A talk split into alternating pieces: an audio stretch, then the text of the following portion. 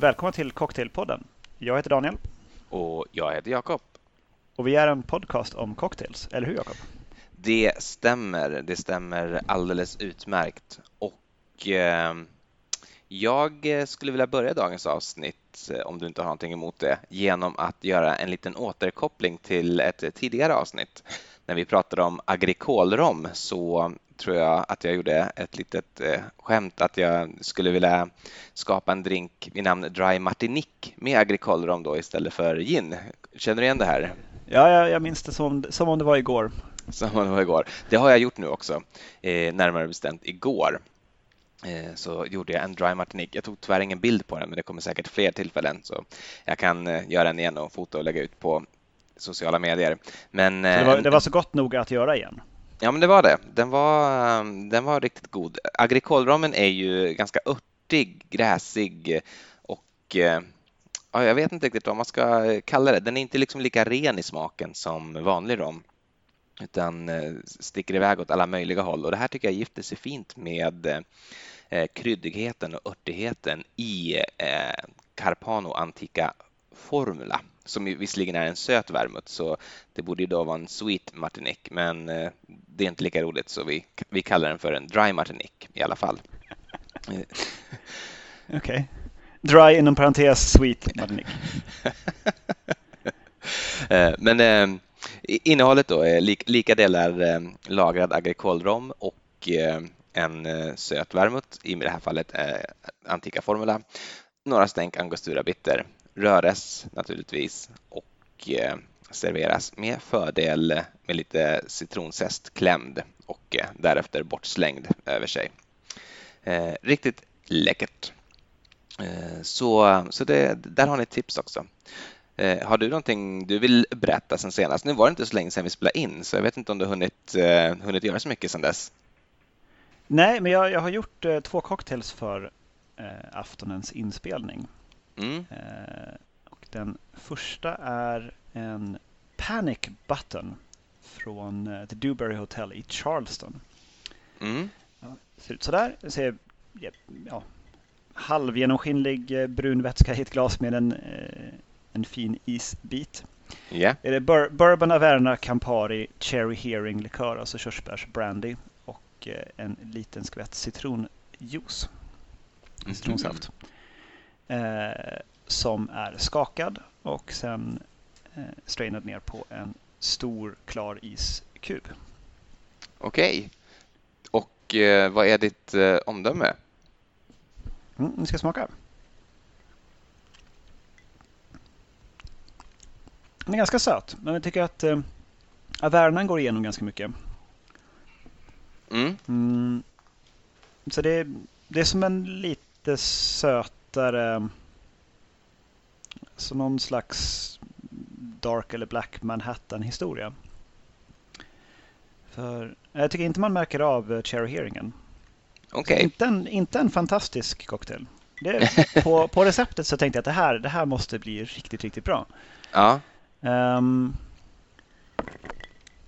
jag, bara att jag, jag, nej, jag tror att den är helt enkelt är lite för söt för min smak. Jag förstår. Det, det blir lätt så. Ja, alltså ja, vid rätt tillfälle kanske. Typ efter, eh, efter maten hade det kanske varit trevligt med en sån lite sötare historia. Och sen har jag en väldigt, en väldigt vacker cocktail eh, som jag håller upp där som du kan se. En, eh, eh på färgen kan man ju ana att det är Aperol i den. Just det. och det här är, det här är en Steel Roller. Eh, Steel Roller heter cocktailen eh, från baren Opal på Dossier Hotel i Portland, Oregon. Okay. Så det är Bourbon, Aperol och Amaro Montenegro och sen så är det Orange Bitters och Angostura Bitters. Så det är i praktiken någon form av uh, Old Fashioned fast sötad med uh, Aperol och Amaro. Mm. Och den däremot, den är fantastisk. Ja, den låter som den kan ha lite djup i sig också med både Aperol och eh, du Averna. Vilken? Amaro Montenegro. Ja, Montenegro sa du, just det. Ja, och sen så är den garnerad med eh, apelsinzest. Så man får lite sådana apelsinskalstoner också på näsan. Mm. Väldigt, väldigt tillfredsställande cocktail. Eh, mycket läckert. Jag vet inte, jag kanske ska berätta vad jag har blandat till och så kan ju den den eh, ivriga lyssnaren få gissa vad dagens tema är när de hör mina drinkar. Jag tror att eh, någon riktigt, riktigt eh, duktig person eller någon som har läst i show notesen redan vad det handlar om kanske, kanske anar. Men jag kan berätta vad jag har. Jag har till att börja med här en riktig eh, klassiker eh, vid namn Rob Roy. Och mm -hmm. Rob Roy är ju mer eller mindre en Manhattan kan man säga, fast med skotsk whisky istället för rye, eh, som är en amerikansk whiskystil. Så det är eh, ungefär tre delar eh, skotsk whisky. I mitt fall så har jag använt en 12-årig Glenlivet, men det funkar med vad som helst. Det funkar självklart med blended whisky också. En del Antika Formula och Eh, så lite angostura bitters på det. Och sen har jag faktiskt, det syns inte riktigt för den har glidit ner, men eh, en liten citronzest också i den här. Där kanske du mm. anar. Och den smakar väl precis som man tänker sig. Det är en Manhattan med med en mer skotsk, skotsk whiskyton. Men är, är det en rökig whisky då? Nej, en, det här är en, en, en mild eh, lite söt. Så att eh, det här är faktiskt eh, en li lite åt det sötare hållet också, för jag har ju också eh, använt en ganska söt vermouth till den här, så att eh, en ganska sweet Manhattan kanske man skulle säga. Eh, mm, Carpano är ganska sött, men mm. så fantastiskt bra. Jag, jag, kan, jag kan inte nog höja dem till skyarna för vad, vad de gör. Det är, en fantastisk vermouth som gör all, alla drycker, drycker med vermouth i bättre än vad de var innan. Den, den, innehåller ju en del bittra örter eh, som lyser igenom, till exempel malört. Så det väger ju upp sötman ändå på något sätt. Den är ju ändå väldigt balanserad, även om den är ovanligt söt så känns den ju inte alls eh, eh, som att det slår över för den sakens skull.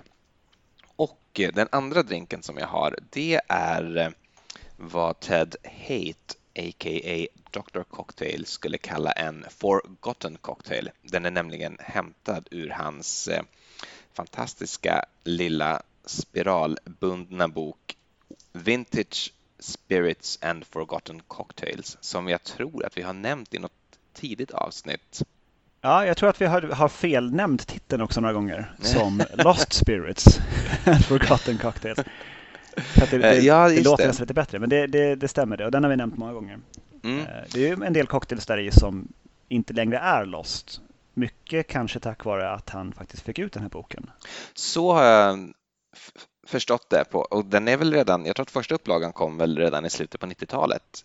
Eh, och han är väl en av de här ganska tidiga som började gräva i gamla receptböcker och verkligen återupplivade en del cocktails. Och Ja, eh, jag menar, som att hitta aviation i den boken, så, men det här är inte en, det här är ingen glömd cocktail. Den är på varenda meny. Nej, men precis. det, kan man ju be liksom på, på, på ett stadshotell i en mindre ort. Liksom. Det går alldeles utmärkt. De har till och med crème de violette.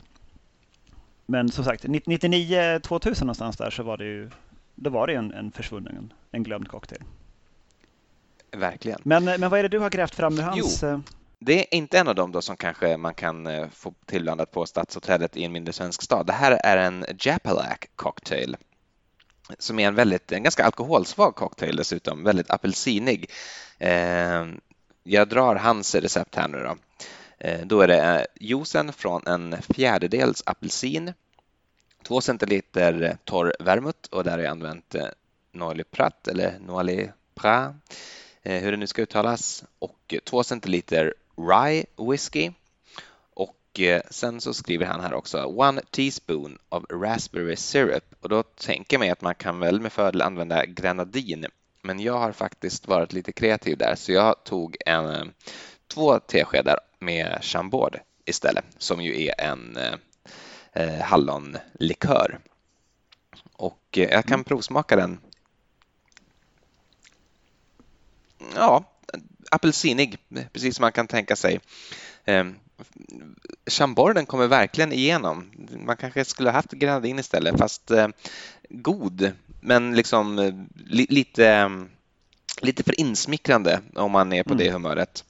Eh, ganska söt, men eh, syran från apelsinen väger ju ändå upp så den blir liksom inte sliskig, det tycker jag inte. Och en torr vermouth i där, det, det, är nog, eh, det är nog räddningen från att den skulle bli alldeles för söt. Det här kan jag absolut se mig dricka utomhus nu under sommaren. Jag tror inte att det är en, en drink som jag kommer att eh, blanda till under vintern speciellt mycket, men som en sommardrink, eh, absolut. Mm. Jag har tänkt mycket på det i de här gamla recepten när man har raspberry syrup och eh, red currant syrup och allt sånt där som står med. I Sverige har vi det ändå ganska väl förspänt där på det att vi har saft i många fall som är de här smakerna. Just det. Man borde kunna använda koncentrerad hallonsaft för att vara raspberry syrup. Eh, och även i en del riktigt gamla recept så jag menar, David Wondrich beklagar sig över att hans eh, favoritcocktail, The Rose Cocktail, ska göras med Red Currant Syrup. Och det finns ju inte. Förutom att i Sverige så finns det ju röda vinbärssaft. Just det, och visst beror det, det där har någon speciell, alltså det, det beror på typ någon eh, vinbärssjukdom eller något sånt där som jag tror kom till USA kanske i mitten på 90, 1900-talet eller något sånt som gjorde att det faktiskt är förbjudet i de flesta platser i USA att typ odla vinbär, eh, röda vinbär i alla fall. Det är, det är någon sån, eh, någon sån tragisk historia bakom. Ja, så det, det, är inte så lätt att bara återuppta produktioner heller som jag har förstått i det landet. Men eh, varenda svensk med en trädgård har väl en vinbärsbuske så för oss finns ju alla möjligheter att göra egen. Ja, och de flesta alltså butiker har ju också olika saftsorter av de här smakerna. Dessutom. Så det finns väldigt mycket man, eh, man kan testa sig fram om man skaffar, eller man, ser, om man kollar på den här eh, webbsidan som vi har pratat om flera gånger, eh, som jag inte kommer ihåg vad den heter nu, men där det finns väldigt många gamla cocktailböcker upplagda med bild och som också går att bläddra i. Just det. Ni kan gå in på vårt Instagramkonto och eh, hitta en länk eh, om ni bläddrar ner lite grann bland våra bilder eh, så kan ni hitta den där. Fantastisk sida. Mm, så där hittar vi många recept och där, där är det många sådana siraper och smaker som stört omöjligt att, att lösa om man är boendes i USA, men som finns på ICA. Mm. så kan det gå. Alltså ibland, ibland i cocktailsammanhang så har man lite tur att man bor i Sverige. I de flesta andra cocktailsammanhang så är det ganska surt att bo i Sverige för att det är så svårt att få tag i, i eh, bra eh, cocktailingredienser. Just det. På de mer alkoholhaltiga varianterna. Eh, så är det verkligen. Jag har för övrigt gjort en beställning nu från Systembolaget på Bitter Truths kreolbitters eftersom min Peychaus är nästan till slut och jag inte har några möjligheter att skaffa mm. ny. En desperat handling för en desperat man. Mm. Så i nästa avsnitt så kan jag komma med en rapport om jag tycker att de kan matcha Peychaus i en Sazerac eller en Vucaray. Vi får väl se. Beställde du Maraschino på samma gång då? Ja, det gjorde jag. ja, mycket bra. Jag tänkte herregud, har han glömt det? Den var ju farligt nära slutet när jag var uppe och besökte er. Eh, det, det är beställt. De har faktiskt eh, kommit dessutom. Jag fick ett sms idag, så, men jag har inte hunnit hämta dem idag. Då, men imorgon så tänkte jag gå och plocka upp dem från mitt lokala systembolag. Men mm. eh, nog om det. Ja, alltså den eh, uppmärksamma tittaren, lyssnaren, eh, har väl hört att jag hade bourbon i mina två cocktails. Du hade skotsk whisky i din ena och rye i den andra. Exakt. Och temat för dagen är ju förstås whisky i alla dess former. Och eh, det är inte av en slump eh, vi eh, tar upp det här temat idag. Det är på grund av en trogen lyssnare som irriterar sig på att vi slänger oss med termer som rye och bourbon som om det är självklart exakt vad man menar och som att det är självklart att det är en typ av whisky eller vad det nu är. Det får vi väl se under det här avsnittet. Så vi tänkte försöka bena lite grann i det här och det här kommer ju bli en grundkurs då. Det kommer inte att bli en eh, en, eh, en, en speciellt djup eh, resa, men kanske ändå att, att de flesta kan få ut någonting av det. Vi får väl se. Jag kan väl börja med att visa dig någonting som jag har suttit och ritat på. Där har du den i webbkameran. Ett litet, det är något slags eh, släktträd. Ja, det kan man säga. Och högst upp där så ser du att det står whisky. Och därifrån förgrenar sig det här trädet till olika delar som amerikansk whisky, irländsk whisky, kanadensisk whisky och scotch, det vill säga eh, Scotts whisky. Och det här är så finurligt. Jag tänkte ta en bild på det här och lägga upp på um, Instagram så kan alla själv eh, se hur den ser ut då. Men jag kan också ha den nu som en liten fusklapp eh, till det här avsnittet så jag inte eh, säger någonting alldeles, alldeles galet. Men om man ska börja med någon sorts definition på vad whisky är så är inte det heller så lätt egentligen för det skiljer sig från plats till plats. I EU så får ingenting kallas whisky om det inte har lagrats minst tre år på ekfat. Men eh, det här eh, är inte nödvändigtvis på samma sätt överallt i världen, till exempel inte i USA. Där finns inte de här eh, reglerna. Vi kommer väl att återkomma lite grann till det. Men i sin most basic form då så är whisky destillerat och lagrat öl skulle jag säga.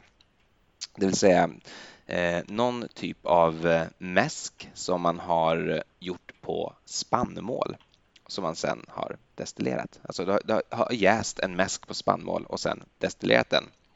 Eh, därefter lagrat den under en, en, en bestämd tid. I EU gäller det som sagt tre år, på andra ställen gäller andra regler.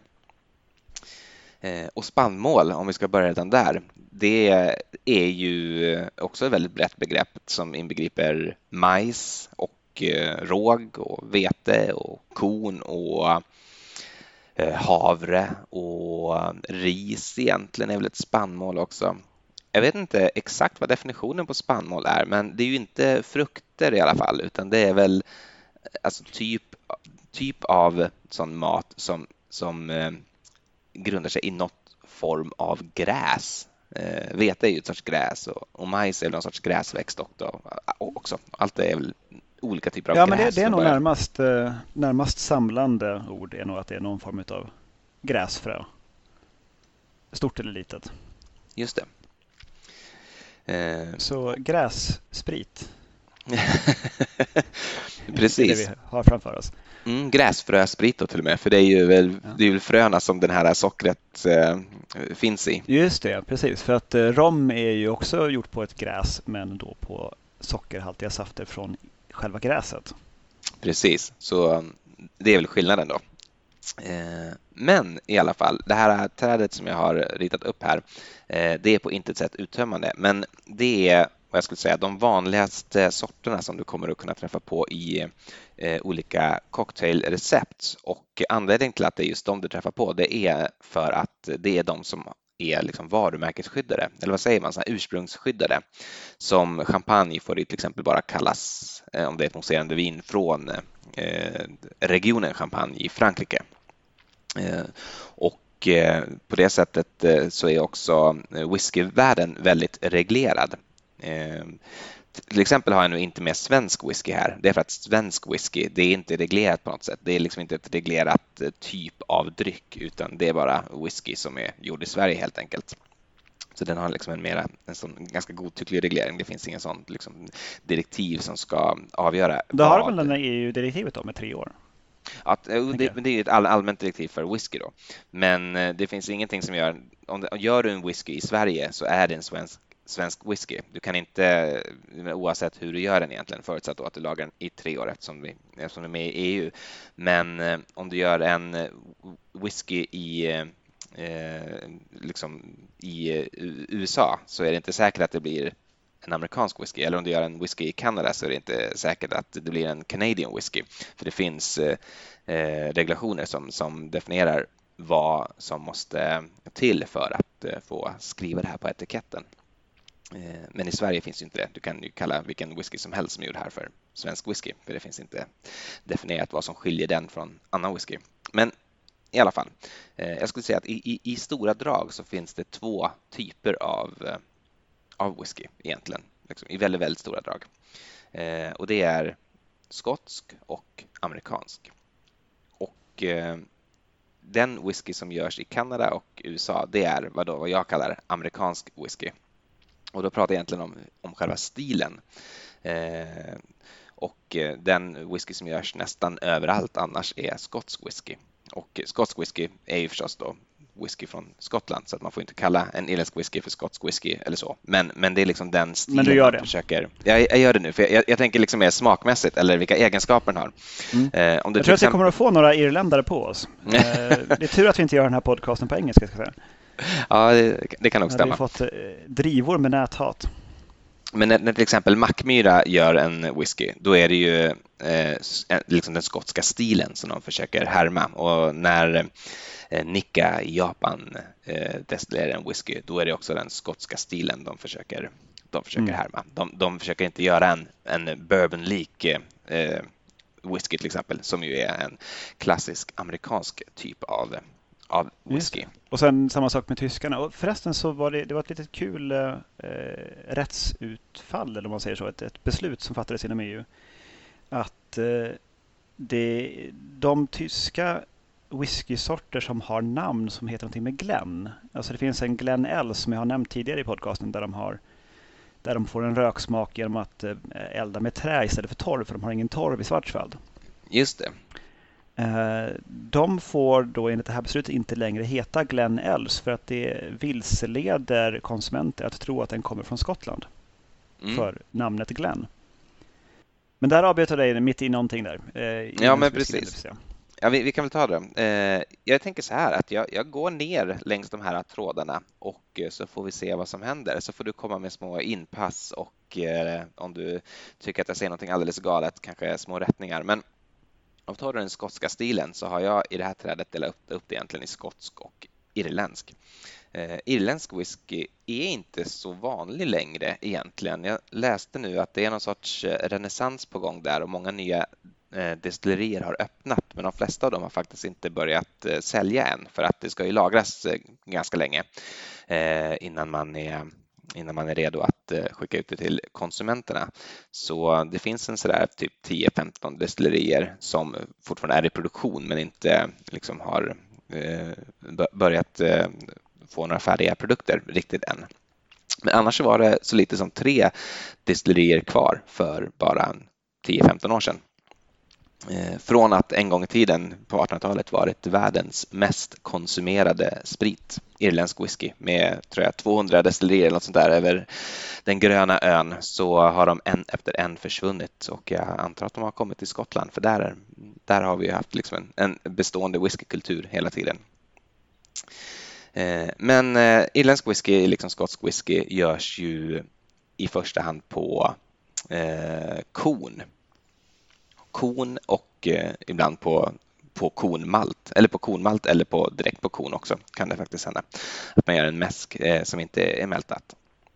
Då heter det grain whisky eh, och annars då malt whisky om det, om det är gjort på malten. Så en, en single malt till exempel är ju en, en eh, whisky som är gjord på mältat korn medan en single grain som inte inte är speciellt vanlig att hitta i affären. Det är mest sånt som görs för att eh, blanda ihop, som säljs till andra eh, liksom producenter som, som blandar sina egna. Eh, strunt i det. Eh, Irländsk whisky görs i alla fall i första hand på, på mältat korn, eh, liksom den skotska. Den är inte eh, rökig generellt eh, utan eh, liksom lättare i smaken och kanske lite lenare. Jag vet inte, finns det några kända producenter? Tullamore Dew är väl någon och Connemara tror jag det finns någon som Ja, och Jameson. Också. Jameson också, ja, precis. Och sen på de lite, alltså de som är, det är ju sådana här stora destillerier. Sen har du några mindre också. Redbreast eh, nämns ofta och det är en, ett mindre destilleri med, med koppar eh, destillatorer eller ja, koppar destilleringsenheter som mm. är lite mindre eh, och ger en mera smakrik eh, sprit. Just det. Och eh. säkert tusentals andra som står i startgroparna för att få ut sina, sina whiskys. Mm. Det tror jag också. Eh, sen så går jag vidare till Skottland då. Och eh, det som jag säger nu om Skottland, mycket av det gäller ju i andra whiskyproducerade länder också egentligen. Eh, men eh, jag, jag, låter Skottland stå som, som förebild här nu. Eh, det finns två, huvudsakligen skulle jag säga, två stycken sätt att göra whisky, göra skotsk whisky. Och det är ju single malt som jag nämnde. Eh, single malt betyder egentligen att det är en maltwhisky som är gjort av ett enda destilleri. Så det betyder inte att det är en typ av malt egentligen, utan single här, det står för ett eh, destilleri. Och det är inte ens att det är samma år alltihop utan det kan vara olika. Den är blended fast inom samma destilleri. Det, det, det kan det absolut vara. Det, det behöver inte vara det behöver inte vara, en, det, behöver inte vara liksom från ett enda år. Det finns ju något som man, de brukar sälja under single cask, eh, de här destillerierna. Just det, då är det ur en specifik tunna då? Exakt. Ett, ett fat. Så då är det ju något som har liksom en helhet. Det vet jag inte om det är en, eh, någon sorts liksom regulatoriska regler kring vad man får kalla single cask eller om det bara är en konvention som inte är reglerad. Men, men står det single cask då vet man att då är det liksom från ett fat. Eh, Medan om det bara är en, liksom en, en single malt så kan den vara blandad från olika. Den här siffran på ålder som står på flaskorna, det är ju alltid någon sorts liksom, eh, lägsta garantiålder eller vad man ska säga, så står det 12 år till exempel, då vet man att den innehåller ingen sprit som är lagrad kortare tid än 12 år. Det är liksom inte ett snitt eh, eller det högsta eller så. Den kan innehålla egentligen sprit som är lagrad hur länge som helst. Men eh, om det finns någonting som är, om, om liksom den, den yngsta spriten är lagrad under 12 år så måste man skriva 12 år på den. Då får man inte skriva ett, ett högre årtal. Så det är som en som sorts garanti för att det, att det minst lagras så länge. Eh, kan man säga. Men single malt och eh, blended. Eh, vill du berätta vad blended är kanske? Så, så man får höra din stämma lite grann. Ja, nej, framförallt kan jag berätta varför man började göra blended. Och det var ju att man, när skotsk whisky blev väldigt populärt så tog det väldigt snabbt slut. För att det tar ju flera år att göra whiskyn. Och när eh, efterfrågan helt plötsligt gick upp väldigt snabbt så tog lagren slut. Och för att då fortsätta att sälja sin whisky så tog man neutral grain spirit, alltså bara ren vodka-liknande helt ren sprit. Och sen så spädde man den med väldigt smakrik eh, copper still whisky. Mm. Så det, det, är det. Man har tagit eh, olika, olika årgångar, olika tunnor utav eh, whisky och sen så har man gjort en blend på det och så har man spett ut den blenden med ren, ren sprit helt enkelt. Och det är det som är en, eh, en blended i många fall. Sen så gör man förstås bättre sorts blend när man har bara lagrad sprit också. Men eh, det vanliga eh, och massproducerad whisky har ju ofta varit det att man har största delen av det som är i flaskan är eh, bara neutral sprit.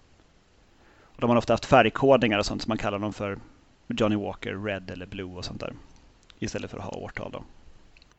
Eh, men, men det är ju, kan man säga, alltså någonstans, all, all whisky som görs är ju typ single malt då, kan man säga, eller är ju single i alla fall eftersom det, det, det, ska göras på något destilleri. Men när man bländar det så är det helt enkelt blandat från olika destillerier. Eh, jag tror att ett eh, rimligt skäl till att man eh, att man gör blended är ju också för att kunna ha det eh, liksom smaka likadant precis från år efter år efter år. Eh, jag tycker man kan jämföra lite grann att eh, single malt är väl lite grann som vintage-vin, eh, alltså det vill säga årgångsvin. Eh, som ju från samma vingård kan skilja sig från liksom 2006 smakar inte som 2007 som inte smakar som 2008 och sådär, även om man gör det på samma sätt för att det är väder och vind som är faktorer. Det är väl kanske ingen liksom exakt eh, liknelse egentligen, men jag, jag, tycker att man kan lite likna på samma sätt då att eh, det är som en single malt. Den, den är den är där det blev, typ. Eh, Fast single, alltså, single malt, det är single cask, ja. Men single mm. malten är ju, den är ju också bländad genom olika årgångar. Ja, det är sant en, eh, en Ardbeg 12-årig ska alltid smaka som en Ardbeg 12-årig. Mm. Eh, så det är, det är också en blended egentligen, fast man har inte i neutral sprit i den. Då.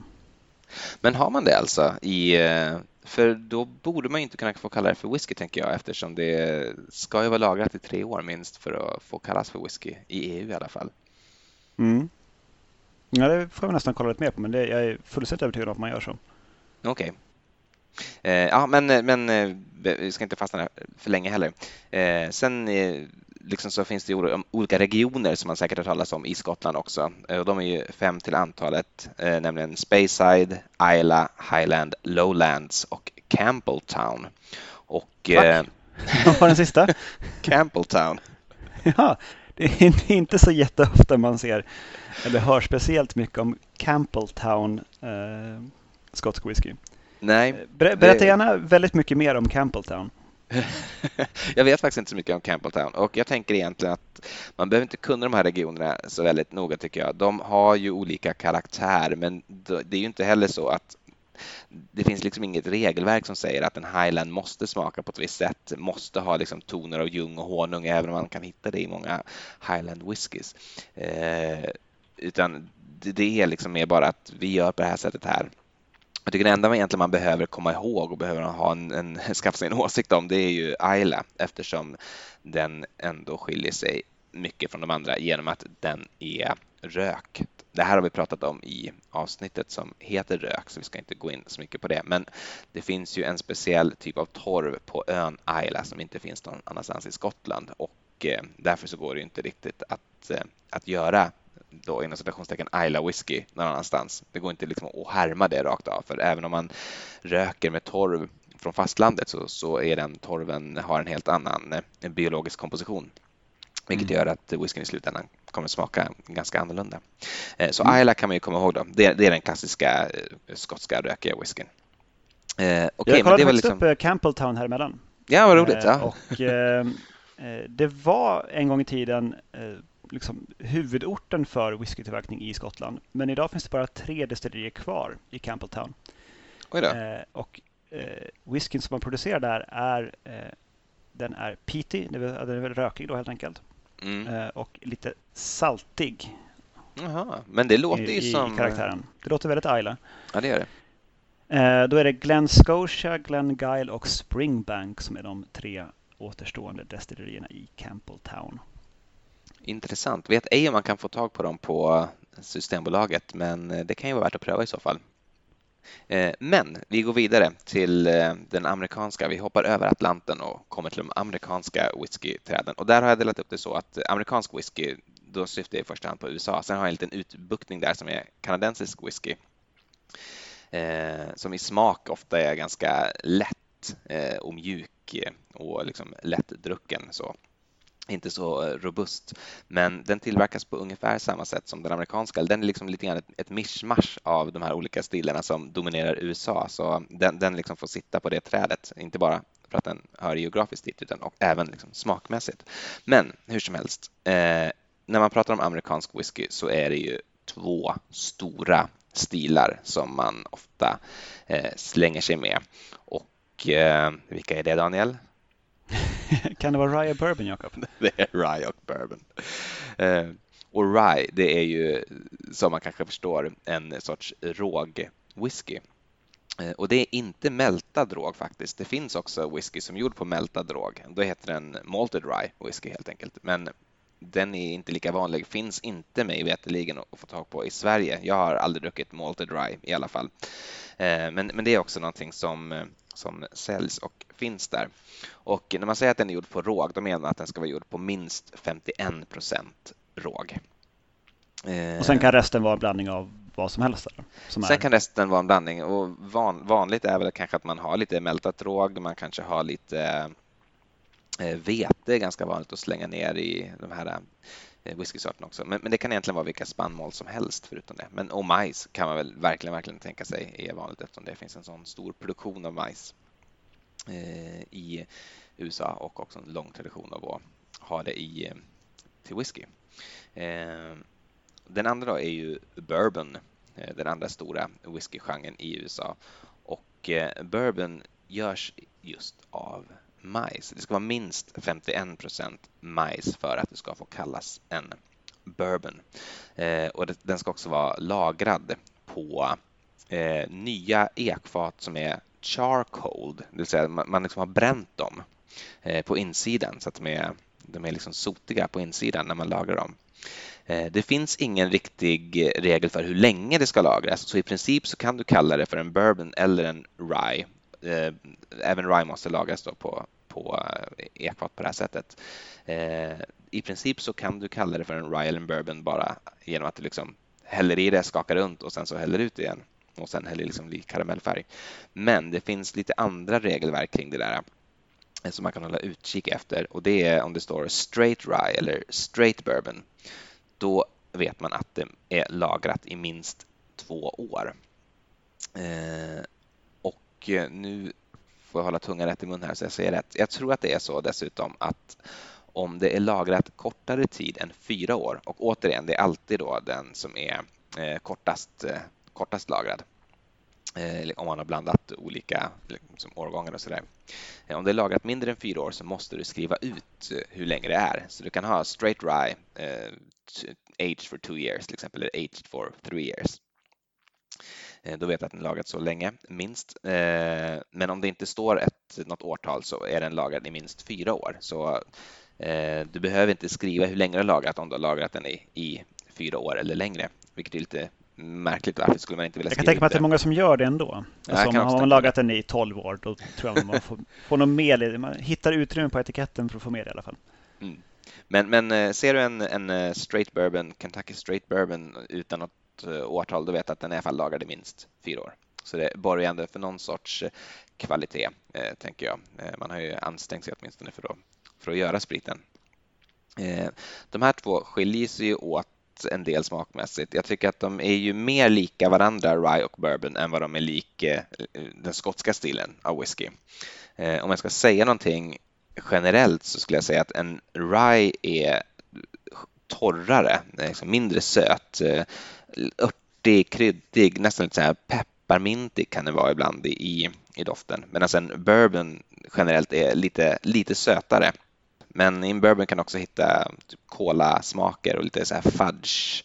Eh, ja, typ så. Och vanilj. Det kan du ju förstås hitta i båda eftersom det är lagrat på ek. Men eh, jag tycker ofta det kommer fram mer, mer, i, mer i bourbon än i rye jag kan bara nämna tre andra stilar av amerikansk whisky, eh, varav en tycker jag faktiskt förtjänar lite specialomnämnande. Den finns faktiskt också att få tag på i Sverige. Eh, två av dem är då malt whisky som är helt enkelt är whisky gjord på malt, så det borde väl rimligen vara ganska lik eh, skotsk whisky, fast generellt lagrad under kortare tid. Eh, sen har vi också wheat whisky som är minst då 51 procent eh, vete som är grund för mäsken. Eh, även bourbon brukar ofta ha vete i sig. Då kallas det att den är wheated. Så det kan det stå ibland på flaskorna också att det är wheated bourbon. Då är det ju alltid minst 51 procent majs, men, men det innehåller också vete. Eh, alla, alla bourbons gör ju absolut inte det, men, eh, men det förekommer.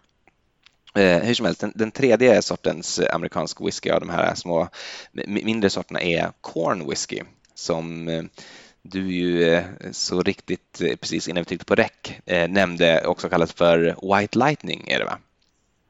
Ja, eller White Dog också. Allt sånt med, med White liksom. Mm. Och så är det, det är Moonshine, Hooch. M moonshine, ja precis. Det här som man kan se folk på Discovery Channel med långa skägg göra i skogarna någonstans i amerikanska södern. Exakt. Och då är ju det 80 procent majs ska det vara minst i en i en corn whisky och den behöver du faktiskt inte lagra alls, så den är generellt inte lagrad. Det är ju till och med så att om du skulle börja lagra en så blir det ju på en gång en bourbon eftersom bourbon är någon typ av lagrad majswhisky med minst 51 procent majs. Så alltså, det här corn whisky är i princip aldrig lagrad överhuvudtaget. Men det var en sån whisky som man, hade, som man smugglade inom USA under förbudstiden? Mm. Man man brände corn whisky eh, ute på bondgårdarna och sen så fick man in det till städerna eh, genom hemliga medel. Precis, och man gjorde väl det nattetid då eh, för att eh, det var en illegal verksamhet och därför den kallas moonshine. Det är min gissning i alla fall. Det låter fullständigt rimligt. Eh, men det, det gör att den inte får kallas för whisky i Sverige. För det finns på Systembolaget eh, en sån här på burk. De här säljs ofta på burk. De ska ju ha en sån liten... Eh, liten ja, för, eh, precis, för man hade ju syltburkar då under förbudstiden som man fyllde på sin whisky. Exakt. Att, eh, och det, jag, jag har faktiskt sett ganska nyligen en sån jättemärklig produkt. För de har, dels har de den här moonshine-spriten då på, på burk och sen så bredvid den så har de också en, en till burk med någonting som inte känns speciellt förbudstidens USA, nämligen en cream liqueur. Just det, på, på, på moonshinen. Ja. det, det, kän, det är helt bisarrt. liksom, det är ingen som ingen spritsmugglare i förbudstidens USA med någon som helst vett och sant som hade stått och gjort en, en cream liqueur och eh, förpackat på burk och sen kört iväg till stan med det. Nej. Jag har dock inte provat den så jag ska inte, jag ska inte helt förkasta den. Men, eller jo, det ska jag. Jag, jag förkastar ja. den. gör det, förkasta den. Det mm, tycker mm, jag gör, gör alldeles rätt i. Eh, det, det är väl egentligen det. Jag kan säga kanadensisk whisky då, varför den tycker jag hör ihop med amerikansk whisky, är att den innehåller generellt majs och råg och den får faktiskt kallas för rye whisky eh, även om den bara innehåller en liten mängd råg. Den måste innehålla råg, men så om det står Canadian rye så är det inte då nödvändigtvis 51 procent råg som det är i eh, amerikansk rye som bara kallas för rye. Eh, men, eh, men, men jag säger så här, om man, om man står hemma och eh, ska blanda till sig en drink eh, och det står speciellt att du ska ha Canadian whisky i. Eh, vad man då ska välja om man, om man inte har någon kanadensisk whisky så är det ju någon av de amerikanska sorterna. Varför inte en blandning av bourbon och en skvätt rye? Eh, till exempel så får du ändå någonting som, som liknar mer den produkt som du ska ha eh, snarare än om du tar en, en eh, kraftig skotsk.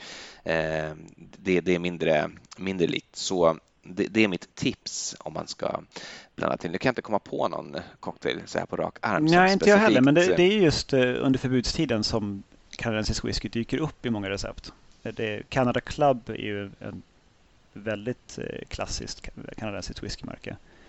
Som dyker upp också under namn i många recept från just förbudstiden. Mm. För att det, det, var också en whisky man kunde smuggla in i landet. Eller om man var på besök i Kanada så kunde man dricka den där. Just det. Så det, det har sin, sin tidsmässiga förklaring varför den whiskyn är stor inom amerikansk cocktailkultur också. Då. Men jag tycker det var en väldigt fin, eh, fin genomgång där. Eh, mm. Och också fått till slut då en förklaring till folket på eh, vad man sjunger om i American Pie-låten. Just det. det var Drinking Whiskey and Rye. Och då har vi fått en förklaring på vad, vad skillnaden är där. För bur bourbon refererar man till som whisky. Alltså, eh, men rye mm. refererar man inte till som whisky. Eller refererar man till rye som rye whisky eller bara rye? Menar man whisky? För det är ju alltså, whisky jag tror att om man säger bara whisky så skulle jag gissa att det är generellt bourbon som man syftar på i USA, men eh, ofta så står det ju rye whisky. Eh, dock kan jag tänka mig att eh, på 1800-talet så om man sa whisky så var det nog snarare rye man syftade på än, än bourbon. Eh, ja, för rye var ju vanligare från början mm. än, än eh, bourbon. Det, det, det, var det. Och eh, vet du var namnet bourbon kommer ifrån förresten? Jag har läst lite olika teorier. Eh, det, som... det, är alltid väldigt eh, svävande på det där, men ta mm. dina favoritteorier. Den, den, den, som jag fastnade för framför allt är att eh, namnet kommer från Bourbon Street i New Orleans. Eh, som ju dit så mycket av den här eh, whiskyn från Kentucky skeppades att eh, eh, liksom, när, när det skulle till Bourbon Street så stämplade man med Bourbon för att man visste vart han skulle. Då. Och det var typ liksom allt, allt skulle till Bourbon Street. Så jag gillar den förklaringen. Började man kalla det för Bourbon helt enkelt. Eftersom det var det jag tycker inte vi gräver djupare där. Nej, det, det, man ska inte syna en, en, en, bra story och det tycker jag var en bra story. Ja, bra. Var fint. Eh, jag eh, känner mig rätt nöjd och vi har hållit på ganska länge så om inte du har något mer så tycker jag vi som vanligt så har vi lämnat en, en fullständigt uttömmande förklaring av ett ämnesområde som vi gett oss på. Och det finns helt enkelt ingenting mer att säga om det här. Eh, eh, den definitiva upplagan av information om whisky och bourbon. Så att, ja, jag, jag, är imponerad Jakob. Mm, vad fint. Eh, jag är glad att höra det. Och eh, med det så vill jag bara säga skål och god natt. God natt.